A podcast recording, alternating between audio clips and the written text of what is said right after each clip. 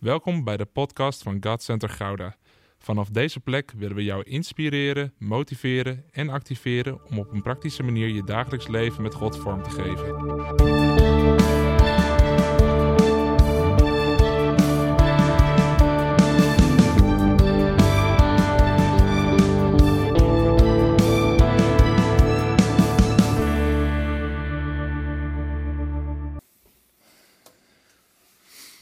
Wie stond er vanochtend op en dacht: Dit is een goede dag? En bij wie had dat iets te maken met Ajax Feyenoord? Alleen een Ajax City dat durft te zeggen, dat vind ik toepasselijk. Maar oké. En bij wie had dat te maken met de eerste race van het seizoen vanmiddag? Iets meer handen. Halleluja. Ja. Ik stond vanochtend op en ik dacht: vandaag is een goede dag. Gewoon puur om alles wat er al voor 12 uur gebeurt. Halleluja. Ja, toch? Ja. Ja. En weet je, vandaag gaan we echt een klassiekertje in de kerk gaan we behandelen. En daarom wil ik jullie even naar voren vragen, André en Danielle, onder luid applaus natuurlijk.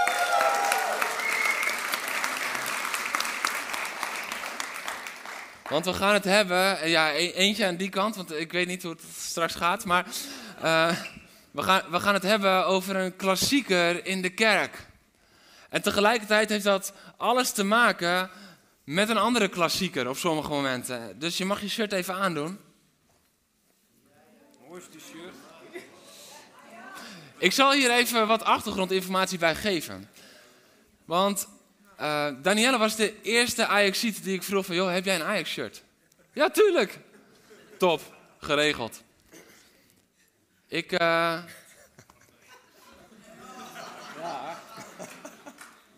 Ik ben acht mensen afgegaan voor een Feyenoord-shirt. Niemand had een thuis-shirt. Ze spelen liever uit, blijkbaar. Maar uiteindelijk is het dus een uitshirt geworden... En uh, staat hij hier vol trots, zonder schroom, toch? Nou. Niet in zijn eigen shirt. maar, ja. Maar we gaan het vandaag hebben over woord en geest. En dat is een klassiekertje in de kerk. Want de ene is wat meer van het woord. En de andere meer van de daad. Nee, nee, nee. Woord en geest. De ene is wat meer van het woord en de andere is wat meer van de geest. En de ene kerk is heel erg krachtig in het woord. Maar die andere kerk die is dan weer beter in de geest. En we maken een soort klassieke scheiding tussen kerken, tussen christen. Ja, weet je, je doet altijd je best om met goede voorbeelden te komen. En je doet één keer twee mensen een ijs en een fijne aan en er worden foto's genomen. Dit is ongelooflijk. Voortaan, elke preek staan jullie hier. Jullie hebben niks met mijn preek te maken. Maar dan komt het over de socials en dan, dan, gaat het Nederland door. Dit is goed. maar dit is een klassieke scheiding die we zo vaak maken onder christenen. Want dan zeggen we ook van, ja, die broeder die is zo krachtig in de geest. Ja, en die zuster, die, die is zo vol van het woord. En dat is haar kracht, dat is zijn kracht. Maar weet je dat dat een super onnatuurlijke scheiding is? Weet je dat dat echt mensengedrag is om daar een scheiding in te maken? En weet je dat we dan ook nog vaak een beetje rivalen worden? Want degene die vol is van de geest. Jij was geest, hè? Jij was woord? Ja, oké. Die gaat dan op het gegeven moment zo, zo staan van... Ja, maar jij, jij moet meer van de geest. Is het moment dat je zo gaat doen. Ja, ja. En, dan het woord, dat heeft zoiets van, ja, jij, moet meer in je, in je Bijbel lezen, man. Je moet voller zijn van het woord. En dan staan ze op het gegeven moment staan ze zo tegenover elkaar. En ze mogen elkaar niet zo meer. Dit is het moment dat jullie niet lachen naar elkaar. Maar ja. En op het gegeven moment staan ze. Het is geen corona meer, hè? Met de voorhoofden tegen elkaar. Zo. Ja. En staan ze te grommen tegen elkaar. Want dit is, je moet meer van de geest. Nee, je moet meer van het woord. Nee, jij moet meer. Jij, bent niet vol van de geest. Oeh, daar komt de veroordeling al.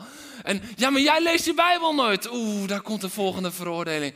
Maar zo vaak gaat het zo. En als het niet gezegd wordt, wordt het wel gedacht. Nou, Jeroen. Een klassiekertje in de kerk. Klassiekertje, misschien wel in je eigen hart. Maar er is nog een ander tenue dat ze nu gaan aandoen.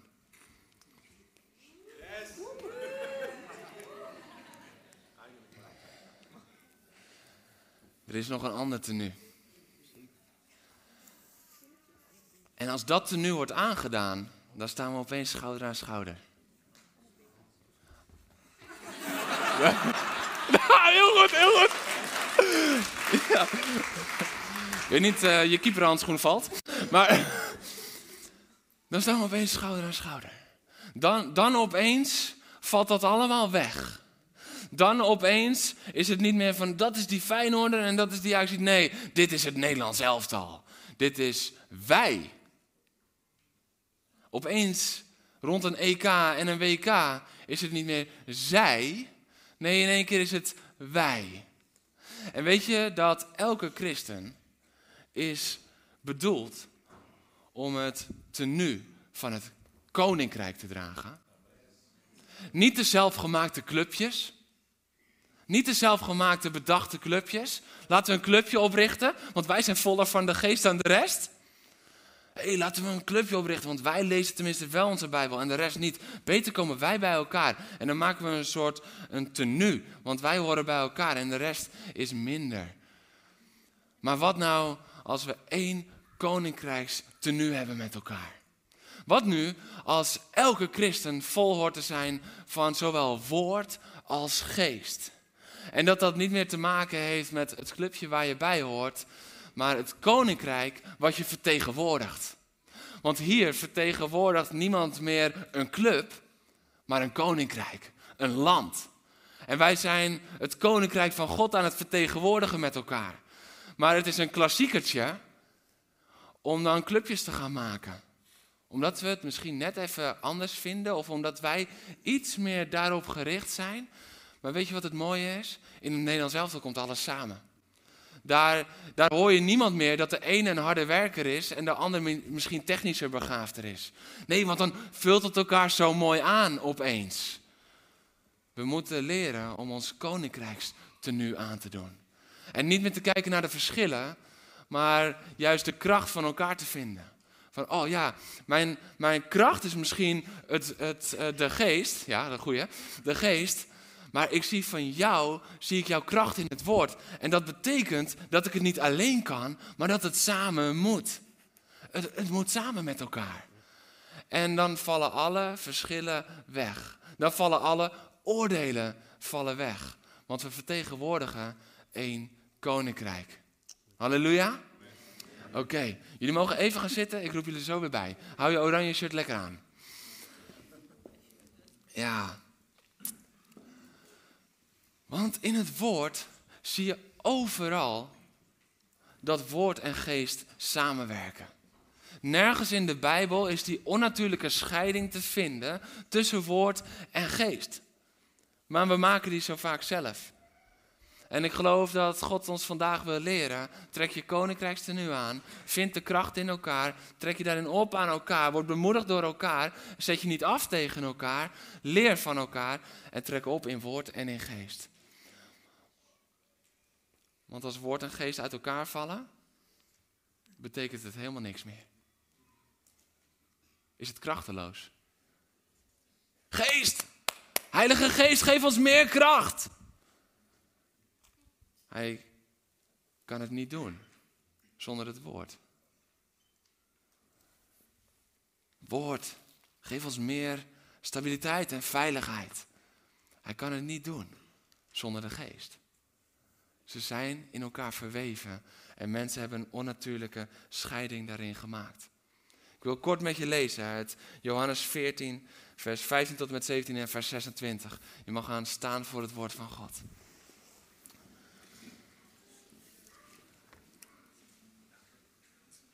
Als je mij lief hebt, houd je dan aan mijn geboden die hij gesproken had. Woord.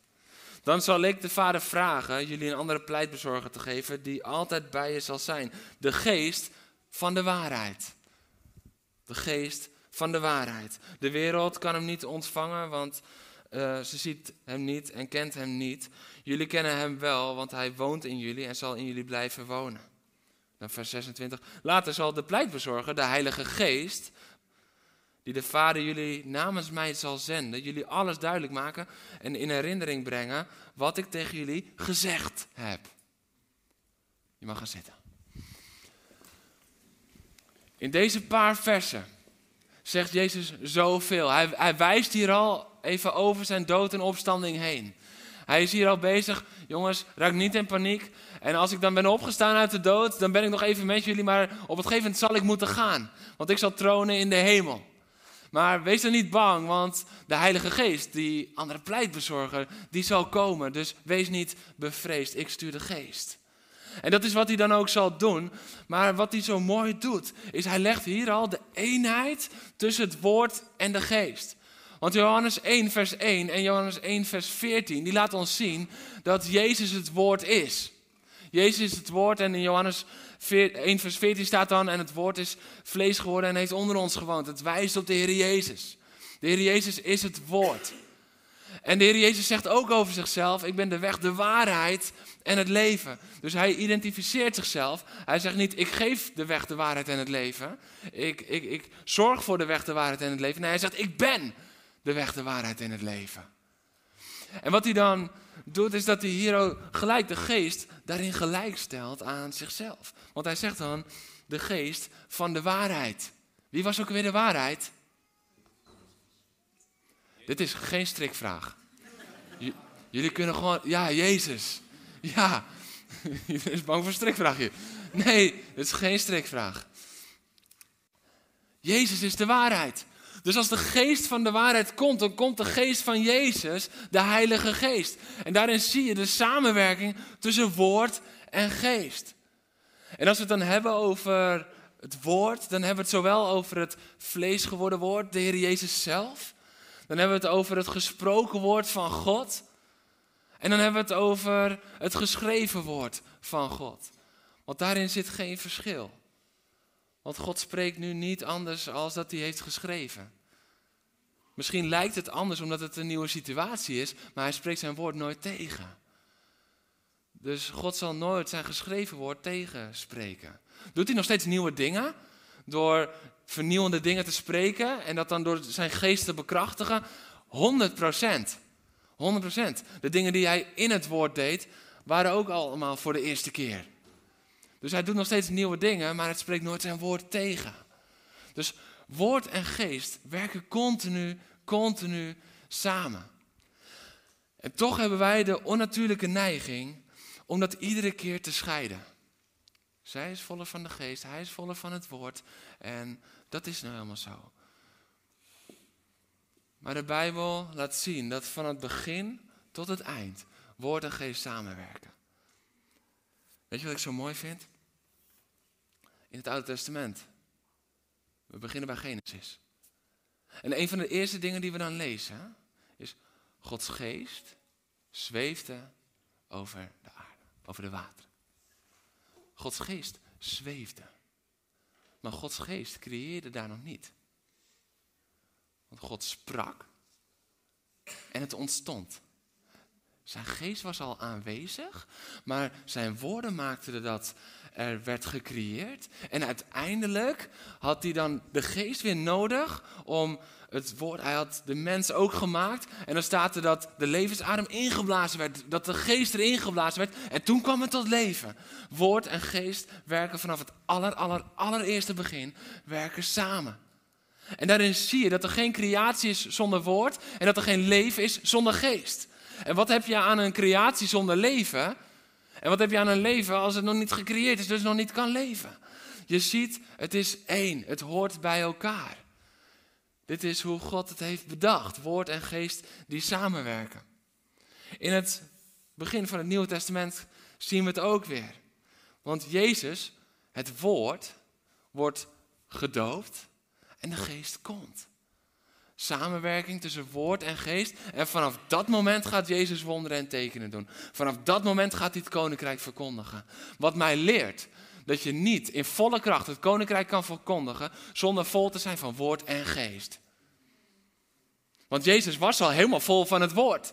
Misschien zeg je, ja, maar weet je, we moeten mensen bereiken met het woord. Met de waarheid. Ja, dat is 100% waar, maar niet 100% van de waarheid. Want zelfs Jezus, de koning der koningen, de schepper zelf, zelfs hij had het nodig om de kracht van de geest te ontvangen. Hij moest eerst de Heilige Geest ontvangen met zijn doop, de kracht van de geest ontvangen na zijn vaste periode en het verslaan van de duivel in de woestijn. En vol van de kracht van de geest, het woord zelf, gaat getuigen, gaat verkondigen en doet wonderen en tekenen in overvloed. Woord en geest werken altijd samen. Het is onnatuurlijk. En misschien heb jij je laten aanpraten. Ja, jij, jij bent echt zo iemand die zo vol is van het woord.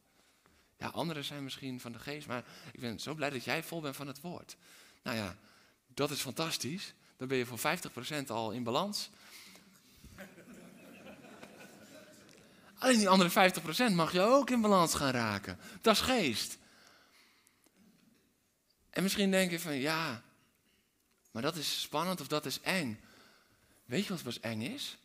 Vol zijn van het woord zonder de geest. Of vol zijn van de geest zonder het woord. Dat is pas eng. Want dan kan je het niet meer toetsen. En dan kan je niet meer onderscheiden, was dit nou de geest of was dit nou iets menselijks? Of als, het, als je alleen vol bent van het woord en niet het leven van de geest, dan weet je het allemaal hier, maar het gevaar zit dat het niet kan landen tot hier. Dat is pas gevaarlijk. Vol zijn van woord en geest is de grootste veiligheid die er is. Vol zijn van woord en geest is de grootste veiligheid die er is. En heeft elke kerk, elk stukje kerk, elke christen, want jij bent de kerk, heeft dat nodig. Om in balans te zijn. Om veilig ook te zijn. Veiligheid is niet dat iemand anders vol is van het woord en jij van de geest. Ik wil nog even onze koninkrijkdragers naar voren vragen.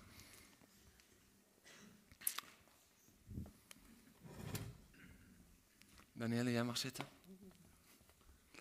Jij zit in de bijrijderstoel, jongen. Hij vraagt het ook gewoon. Heb je wel je rijbewijs?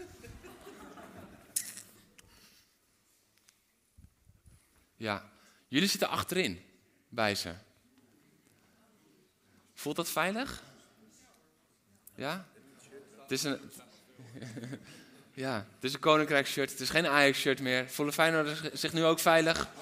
Halleluja, halleluja. Jullie zitten nu achterin. En Danielle heeft het stuur in handen. En de voet op het gaspedaal. En dit is een veilige setting. Dit is een veilige setting. Want ze stuurt, ze geeft gas, ze rent soms als het even nodig is. En dan stuurt ze wat bij in de bochten.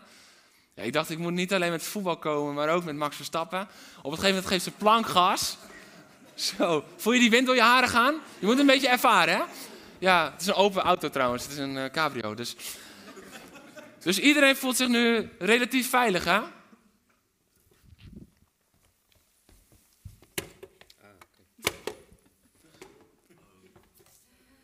Kun je het zien? Moeten ze iets schuiner? Ik ga jullie even iets schuiner zetten, dan kan, kan je het achterin beter zien. Yes. Hoe veilig voelt het nu? om achterin te zitten? Hoe veilig voelt het nu? Dat de een het stuur in handen heeft en dat de ander met zijn voet op het gaspedaal zit? Zou je achterin stappen? Iemand heeft een heel groot geloof. Dat is een beetje het Abraham-geloof. Ook al zal ik sterven, ik weet dat u het weer gaat doen. Halleluja. Dankjewel, man, dankjewel. ik weet niet, man. Ik zou niet achterin stappen. Want dit is onveilig. En dat vinden we allemaal logisch als het gaat over een auto. Maar als het stuur het woord is en het gaspedaal is de geest, is het dan niet raar Dat we die scheiding nog steeds maken in ons denken. Dat we die scheiding nog steeds maken in, in de kerk. In ons eigen leven. Dat we denken, ach, als ik maar vol ben van het woord, dan komt het allemaal wel goed. Maar als jij vol bent van het woord, maar niet van de geest. Weet je hoe zwaar het stuurt als een auto stilstaat? Dankjewel. Wie heeft er wel eens aan het stuur getrokken als je gewoon stilstaat? Is niet lekker, hè? Nee. Had het effect overigens op de plek waar je was? Als de auto stilstaat? Had het effect op de richting die de auto stond? Als je stilstaat? Ja, maar Jeroen, het woord geeft richting. Ja, maar niet als er geen beweging is van de geest. Ja, halleluja. Ja, de banden zijn wel bijgesteld, maar de auto is niet van richting veranderd. Dus de potentie voor richtingverandering is er wel en die is er altijd in het woord. Maar als het niet in beweging is, omdat de geest er leven in heeft geblazen, dan blijf je gewoon stilstaan in dezelfde richting. Want die auto verandert niet. Maar wat als je gas geeft? Hij leeft zich helemaal in in de rol. Hè? Hij zit de hele tijd. Oh, nu moet ik gassen. Oh, nu moet ik remmen. Waar, is de koppeling? Waar is de koppeling? Ja, hier oh. maar wat als je gas geeft en het stuur niet in handen hebt? Wat als je gas geeft en jij bent niet in staat om te sturen? Wat als je helemaal vol wil zijn van de geest, en, maar je hebt niet het stuur om op de weg te blijven? De weg, de waarheid om in leven te blijven. Nee. De weg, de waarheid om in leven te kunnen blijven. Want anders eindig je ergens of in de vangrail, of tegen een boom, of in een ravijn. Ligt maar net aan waar je rijdt. En het eindigt niet in leven. Oh, maar de geest brengt toch leven? Ja, 100%. In de veiligheid van vol zijn van woord en geest. Woord en geest. En als jij in een auto stapt waar dit gescheiden is, dan zou ik heel snel een levensverzekering afsluiten. Dan zou ik heel snel weer uitstappen. Want dat is ongezond. Dat is ongezond. En als jij nu denkt van, oh chips Jeroen, dit ben ik. Dan is vandaag de dag om je te vullen. Ook met datgene wat je niet in handen of aan je voeten hebt. Misschien zeg je van ja, ik strek me altijd uit naar de geest. Maar eigenlijk dat, dat woord, ja, daar ben ik nooit zoveel mee bezig. Dan is het tijd om je te gaan vullen met het woord. Misschien denk je, ja, ik, ik richt me altijd op het woord. En de Bijbel is, is zo belangrijk. Maar de Heilige Geest, ja, die ken ik eigenlijk niet zo goed. Nee, zijn kracht, dat, nee. Ik zou het eigenlijk niet zo goed weten. Dan is het tijd om je te laten vervullen met de Geest. Want anders ben je een stilstaande auto. En je vraagt je af en je bent ook gefrustreerd van waarom komt er nou nooit verandering in mijn leven? Omdat er geen beweging is in je leven. Want de geest brengt in beweging. Het woord stuurt bij. En je moet het allebei veilig in handen hebben. In deze auto wil niemand achterin zitten. Als het allebei bij één persoon is, durf achterin te gaan zitten. Yes, dank jullie wel.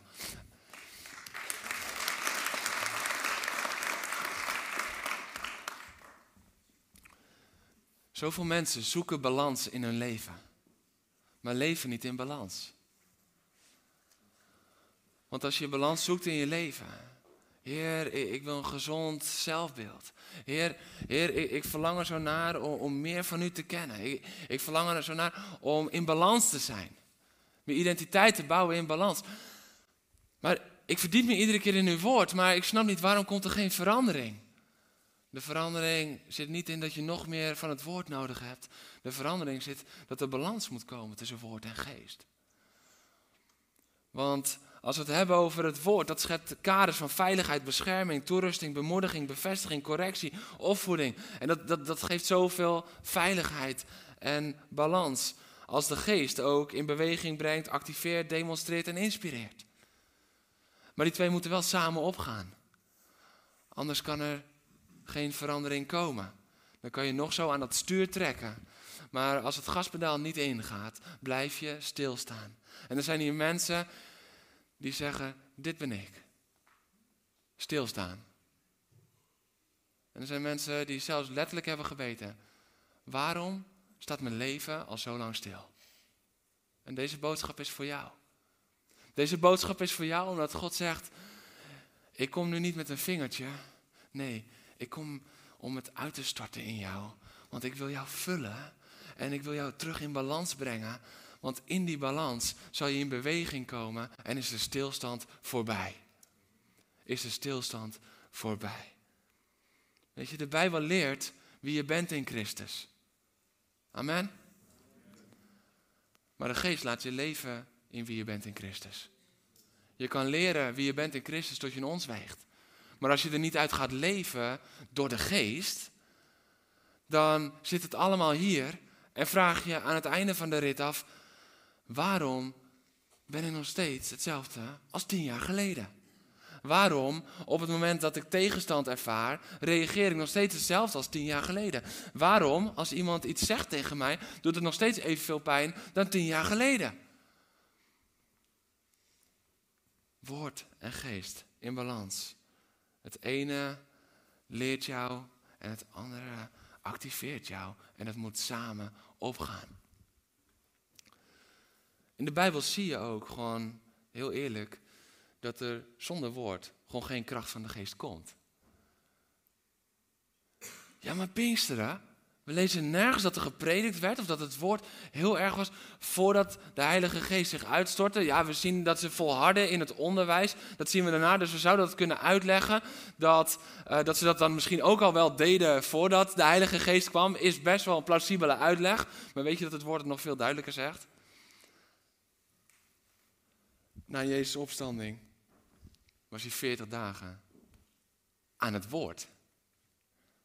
Voordat de Heilige Geest kwam. Want 40 dagen gaf het opgestane woord zelf onderwijs. Weet je waarover? Over het koninkrijk. Over het koninkrijk. Hij gaf geen onderwijs over Ajax die vol is van het woord of Feyenoord die vol is van de geest. Hij gaf geen onderwijs over, hey, en als je dan verschillende groepjes en als je dan heel erg versplintert, nou dan wordt het een krachtige kerk hoor. Dat zei hij niet. We weten niet wat hij heeft gezegd, maar de vrucht van wat hij zei is dat ze alle, elke dag, eenparig, allemaal bij elkaar waren. Allemaal bij elkaar. Geen groepjes. Vol van het woord van Jezus. En toen op die Pinksterdag. Toen op die Pinksterdag. Toen op die Pinksterdag. Toen de geest erbij kwam. Weet je wat er gebeurt op die Pinksterdag? Dit is een Pinksterpreek, sorry jongens. Pinkster wordt anders dit jaar. Nee, ik heb mijn Pinksterpreek al, die wordt zo. Oké. Hij staat al helemaal klaar. We gaan vier evangelieën langs op Pinksteren. Dit wordt te gek. Maar in ieder geval, weet je wat er gebeurt op die Pinksterdag? Het is een, opnieuw de schepping. Want Jezus het woord had gesproken. En de kerk was al gevormd. Oh, dit is een mooie openbaring. Halleluja. Het was al gevormd. Maar zoals het lichaam van Adam al was gevormd, maar de geest moest komen om er leven in te blazen, was de kerk gevormd in die 40 dagen dat Jezus over het koninkrijk sprak. En ze waren al tien dagen bij elkaar. Maar toen de geest kwam, toen kwam er leven in. En dan zien we dat het koninkrijk van God weer gaat heersen. En wat moest de mens doen toen het geschapen was in Genesis? Heersen over de schepping. Dit is het evangelie. Dit is als woord en geest samenkomen. Dat is wat er dan gebeurt. Als de geest dan wordt ingeblazen opdat het woord is verkondigd, dan kunnen ze zich niet meer inhouden. Misschien zit je hier en denk je, nou, doe maar gek, uh, normaal, dat is al gek genoeg. Doe maar gewoon gek trouwens. Maar, maar doe maar normaal, dan doen we al gek genoeg. Ja, weet je, ehm, prachtig de werken van de geest, maar als er iets is wat net iets anders gebeurt, als dat ik in het woord helemaal letterlijk kan teruglezen, nou dan vind ik het spannend worden. Nou, ik zou je zeggen, ik vind het spannend worden als de geest geen nieuwe dingen meer doet. Ja. Want iedere keer als de geest blaast, komt er leven. Petrus deed iets heel nieuws. Heel nieuws. Toen de geest werd uitgestort. Want hij was gevuld met het woord, met Jezus. En toen, terwijl hij eerst nog het woord verlogende, toen de geest kwam, toen hij vol was van het woord en de geest, kwam daar een vrijmoedigheid en stond hij te prediken tegen duizenden mensen. Simpele visserman, die ook nog niet eens zo heel goed was in vissen. Dat hebben we ontdekt, hè? Ja, iedere keer als Jezus komt, dan zegt hij: Ja, ik heb vannacht niks gevangen. Ja, we hebben Petrus altijd heel hoog zitten. Nou, ik heb een andere Petrusologie uh, heb ik, uh, ontwikkeld. Hij was niet zo'n goede visser. En, en wat gebeurt er dan?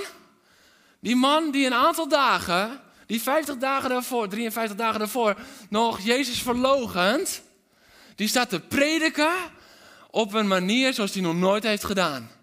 En niet alleen hij. Want met hem, zegt het woord dan, met hem stapten de andere discipelen ook naar voren. Weet je, Petrus ging nog achter Jezus aan. Daarom kon hij hem verloochenen. De andere was al heel snel weggerend. Maar nu stapten ze allemaal naar voren. Dit is als woord en geest gaan samenkomen. Dan gebeuren er nieuwe dingen. Nieuwe dingen. Ze gaan nooit tegen het geschreven woord van God in. Ze gaan nooit tegen een door God gesproken woord in. Want God kan niet tegen zijn eigen woord ingaan. God kan niet een ding bijstellen. Hij, hij, nee, hij is almachtig, alwetend. Hij spreekt naar waarheid. En elk woord dat hij spreekt komt altijd uit. Dus hij kan niet tegen zijn eigen woord ingaan. Maar krijgt het in een nieuwe vorm, een nieuwe bevestiging, 100%. 100%. Weet je, want anders hadden we nu ook gezegd, ja, hoe Paulus Jezus heeft ontmoet, dat kan niet. Nee, nee, want de eerste keer dat dat gebeurde, dat ze de opgestaande Heer ontmoetten, toen was het in een afgesloten ruimte. En toen kwam hij door een muur binnenlopen. En toen mochten ze zo in, in, in zijn wonden en alles voelen. Ja, dat was de eerste keer dat hij verscheen. Als dat onze maatstaaf wordt, omdat dat de eerste keer was, dan zijn al die verschijningen later in het Nieuwe Testament, die zouden we afdoen. Maar dat doen we niet. Waarom? Omdat we geloven in het woord. Maar we zien in het woord dat de geest iedere keer weer vernieuwt. Dus als er vernieuwing is van de geest, juich het toe. Juich het toe. En toets het aan het woord, want het werkt altijd samen. Maar wees niet bang. Wees niet bang. Want de geest is een geest van vrede. De geest is een geest van troost, van waarheid. Dus in de geest kan er nooit iets fout zijn. Dus we mogen ontspannen, ons vullen met woord en met geest. Het is niet voor niets dat in Marcus 16, als we de opdracht gaan lezen, dat hij ook zegt, verkondig het evangelie en ik zal jullie verkondiging, jullie woord, zal ik kracht bijzetten met wonderen en tekenen, de geest. Overal zie je de volgorde van God. Maar overal zie je ook dat ze bij elkaar horen. We kunnen niet zonder één van die twee. En zonder het woord is er dus ook niet die veiligheid voor de geest, maar dus ook niet de kracht van de geest. Want wat als je leven in gaat blazen in iets wat er nog niet is? Dat kan niet. Want er wordt geschept vanuit het woord. Het woord schept. De geest blaast leven in. Ze werken daarin altijd samen. En ik wil met je eindigen in Ezekiel 37. Want hier zien we, misschien denk je nu van ja, maar ik zie dat nu vooral in het leven van Jezus dan en zo. Ehm, maar hier zie je zo mooi hoe God in het leven van Ezekiel samenwerkt tussen woord en geest. Dit is echt, nou, ik vind het het ultieme voorbeeld. Mooier heb ik het nog niet gevonden. En het gaat zo, zo diep. In Ezekiel 37 uh, staat boven, uh, dat is zeg maar om de sfeer te bepalen, een dal vol beenderen. Zie het voor je? Ja? Dood om je heen. Overal. Dode beenderen. Dode beenderen zie je overal. En dan staat Ezekiel daar en dan lezen we vanaf vers 3. De Heer vroeg mij, mensenkind, kunnen deze beenderen weer tot leven komen? En dit vind ik zo mooi. Ezekiel, profeet van God. Wat antwoordt hij? Oh, jullie kunnen het al zien. Oh nee, niet. ik was even bang. Ik denk, daar, daar gaat het. Ja, natuurlijk, Heer. Natuurlijk. Want als profeet heb ik al zoveel dingen meegemaakt. Ik weet dat u dat kan doen. Maar dat zegt hij niet. Hij zegt iets veel menselijkers. Iets veel menselijkers. Ik antwoordde, ik is Ezekiel, Heer mijn God, dat weet u alleen. Vind ik zo eerlijk? Soms denken wij, als je in de bediening, dan weet je alles zeker. Nee, God weet alleen. En er zit kracht in dat gewoon erkennen. Dat is vertrouwen op Hem. Dat weet u alleen.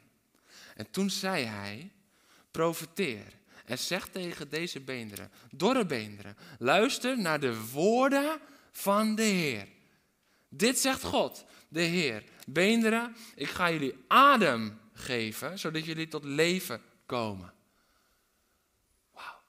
Ik zal jullie pezen geven, vlees op jullie laten groeien en jullie met huid overtrekken. Ik zal jullie adem geven, zodat jullie tot leven komen en jullie zullen beseffen dat ik Heer ben. Dit moet een tafereel zijn geweest. Dit is een tafereel. Dat als je het instuurt naar Hollywood, dan zeggen ze: nee, dit geloven we niet. James Bond, dat, weet je, mensen pikken dat. Maar, maar dit, dit wordt ongeloofwaardig. Dit is de realiteit. En dan staat er, ik profeteerde zoals mij was opgedragen. Zodra ik dat deed, hoorde ik het geluid. Er klonk een geruis van botten die naar elkaar toe bewogen en zich aaneenvoegden. Zie je het voor je? Nee. je moet eigenlijk gewoon even je ogen dicht doen en, en, en inleven dat dit dus voor je ogen gebeurt. Dat je Ezekiel bent, dat je gehoorzaamt aan de woorden van God en dat je dit ziet gebeuren. Ik zag de pezen aanhechten en vlees groeien. Ik zag hoe er huid over de botten heen trok. Maar ademen deden ze nog niet. Toen zei de Heer tegen mij: profeteer tegen de wind. Profeteer, mensenkind. En zeg tegen de wind: Dit zegt God, de Heer: Kom uit vier windstreken wind en blaas in deze doden, zodat ze weer gaan leven. Ik profeteerde zoals mij, hij mij gezegd had. En de lichamen werden met adem gevuld. Ze kwamen tot leven en gingen op hun voeten staan. Een onafzienbare menigte. Dit is wat er gebeurt als woord en geest samenwerken. Dit is woord en geest samen in de climax. Als je na dit voorbeeld niet enthousiast bent over woord en geest, dan weet ik het ook niet meer. Ik zeg het je eerlijk. Dit is zo ultiem. Want hierin zit alles wat God erover wil leren. Hierin zit alles wat hij ook aan veiligheid wil geven. Want de veiligheid, misschien denk je van, oh ja, maar hoe, hoe zit het dan? Ik profiteerde zoals mij was opgedragen. Jouw woorden hebben alleen maar de kracht als je doet wat je is opgedragen. Als je spreekt zoals God heeft gesproken. Dan kan de geest kan volledig komen. De geest kan zich niet uitstorten op onze menselijke verlangens en woorden. Oh, geest, geest, ik heb echt een Ferrari nodig. Ik ervaar u. Ik hoor het geruis al. Het is een Fiat Panda. De geest komt niet op je eigen verlangens. De geest komt op het woord dat God jou heeft gegeven. Woord en geest werken altijd samen. Het woord. Het woord. Weet je, misschien denk je, nou dat is wel mooi. Al mijn woorden gaan dus met de geest samenwerken. Al jouw woorden die overeenstemmen met het woord. De veiligheid zit ook in dit voorbeeld. Hij deed precies zoals hem was opgedragen. En daarna staat er, ik profeteerde zoals hij mij gezegd had. Dus we moeten leren spreken zoals God ons heeft opgedragen. En dit ervoer ik zo. Weet je, heel vaak als God iets groots zegt tegen ons, dan spreken wij het kleiner uit. Dan gaan wij het, want dat vinden we spannend. Maar het vereist vertrouwen in het woord om de kracht van de geest erover te kunnen ontvangen. Want als Ezekiel dacht van, ja oké, ik heb dat zien gebeuren, maar die adem, dat geloof ik niet meer. En hij had niet zo hetzelfde gesproken bij de adem, was het leven er nooit ingekomen. Het is tijd dat we daarin op gaan staan en gaan pakken dat het woord en de geest daarin samenwerken. Want hij moest het woord spreken voordat de geest kwam. En zie je nu wat er weer gebeurt? Het gaat weer naar de scheppingsorde van Genesis. Het gaat weer terug naar de scheppingsorde van Genesis. Want ik profiteerde zoals mij was opgedragen. En zodra ik dat deed, hoorde ik een geluid. Weet je wat ik zo mooi vind? Hij zag het niet gelijk. Als jij niet gelijk ziet wat je hebt uitgesproken, wat het woord heeft gesproken, betekent dat niet dat het niet onderweg is, dat het niet bezig is, maar het is al bezig. Maar wij zijn altijd heel erg gericht op ons zien, maar misschien kunnen we het al lang horen. Dat je het niet gelijk ziet, betekent niet dat het niet gebeurt, want het geruis was al hoorbaar. Misschien zit je in een nood en denk je, Heer, ik bid al zo lang, ik bid al zo lang. Word eens stil, want geruis hoor je pas als je stil bent. Als jij blijft schreeuwen dat je het nog niet ziet tegen God, kan je het geruis niet horen dat Hij al gegeven heeft. Hij wil je het geruis laten horen. En dan staat er een geluid en dan klonk geruis van de botten die naar elkaar toe eh, bewogen en zich aaneenvoegden. Dat hoorde hij dus. Daarna ging hij zien. Ik zag pezen zich aanhechten en vlees groeien. En ik zag hoe er huid over de botten heen trok, maar ademen deden ze nog niet. Ademen deden ze nog niet. En dan blijft hij met God wandelen. Want dan is hij niet zo van, ah, ik heb een deel prachtig gezien en het was zo mooi, maar ik ben toch teleurgesteld, want er is toch geen nieuw leven gekomen. Ja, het leek even op te staan, maar nou ja, het was halfwerk van God. Herkenbaar? Dat we denken, ah, het begon zo mooi, maar waarom eindigt het zo? God zegt, ik wil mijn geest geven. Mijn, mijn woord schept, mijn geest maakt levend. Mijn woord schept, mijn geest maakt levend. En jij hebt woord en geest nodig om in balans te kunnen leven. Om in je leven te kunnen scheppen en te kunnen leven. Want anders zal je op het gegeven moment stil gaan staan. En toen zei hij tegen mij, profiteer tegen de wind. En als er iets is, het type beeld van de Heilige Geest, is het onder andere de wind. Dus profiteer tegen de geest. Profiteer tegen de wind.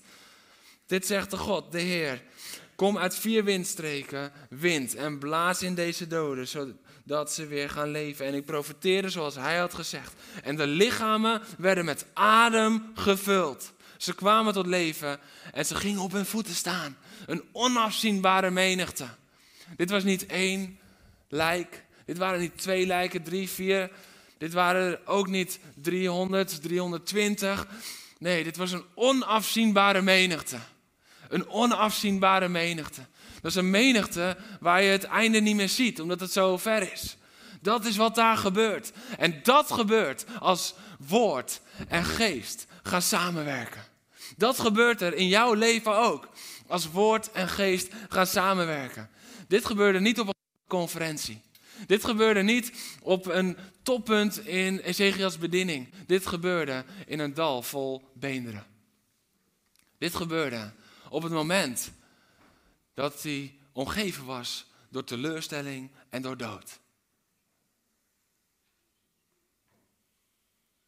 Maar op een plek waar alles dood lijkt, als woord en geest gaan samenwerken, komt daar herstel en nieuw leven.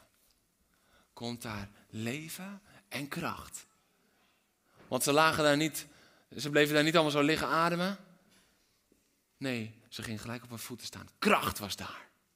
Er was gelijk kracht. Je hebt kracht nodig om op je voeten te gaan staan. Toen de verlamde man genezen werd door Jezus, uh, door Petrus en eh, Johannes, gelijk kwam kracht weer in zijn enkels. Kracht maakt dat je kan opstaan. Er was leven, er was kracht. En dat is wat de kerk vandaag nodig heeft. Jij bent de kerk. Dat is wat de kerk nodig heeft. Vol leven, vol kracht, vol woord, vol geest. En we zijn te lang uit balans geweest. Ik wil vragen of de worship alvast naar voren komt. We zijn te lang uit balans geweest daarin.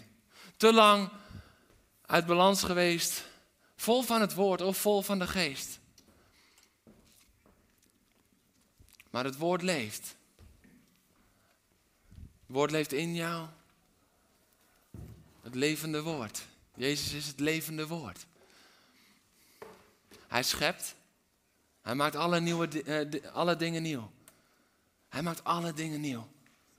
Alles. En de geest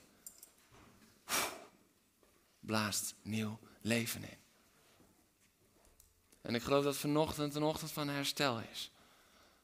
Een ochtend van herstel voor pijn en gebrokenheid die je hebt opgelopen op het moment dat je alleen maar op de geest gericht was. En je bent uit de bocht gevlogen. En dat het een ochtend is van nieuw leven. Nieuw leven. Want je bent vol van het woord, maar de geest. En je waande je veilig, want ja, het woord dat is veilig. Dat zijn de kaders van het leven.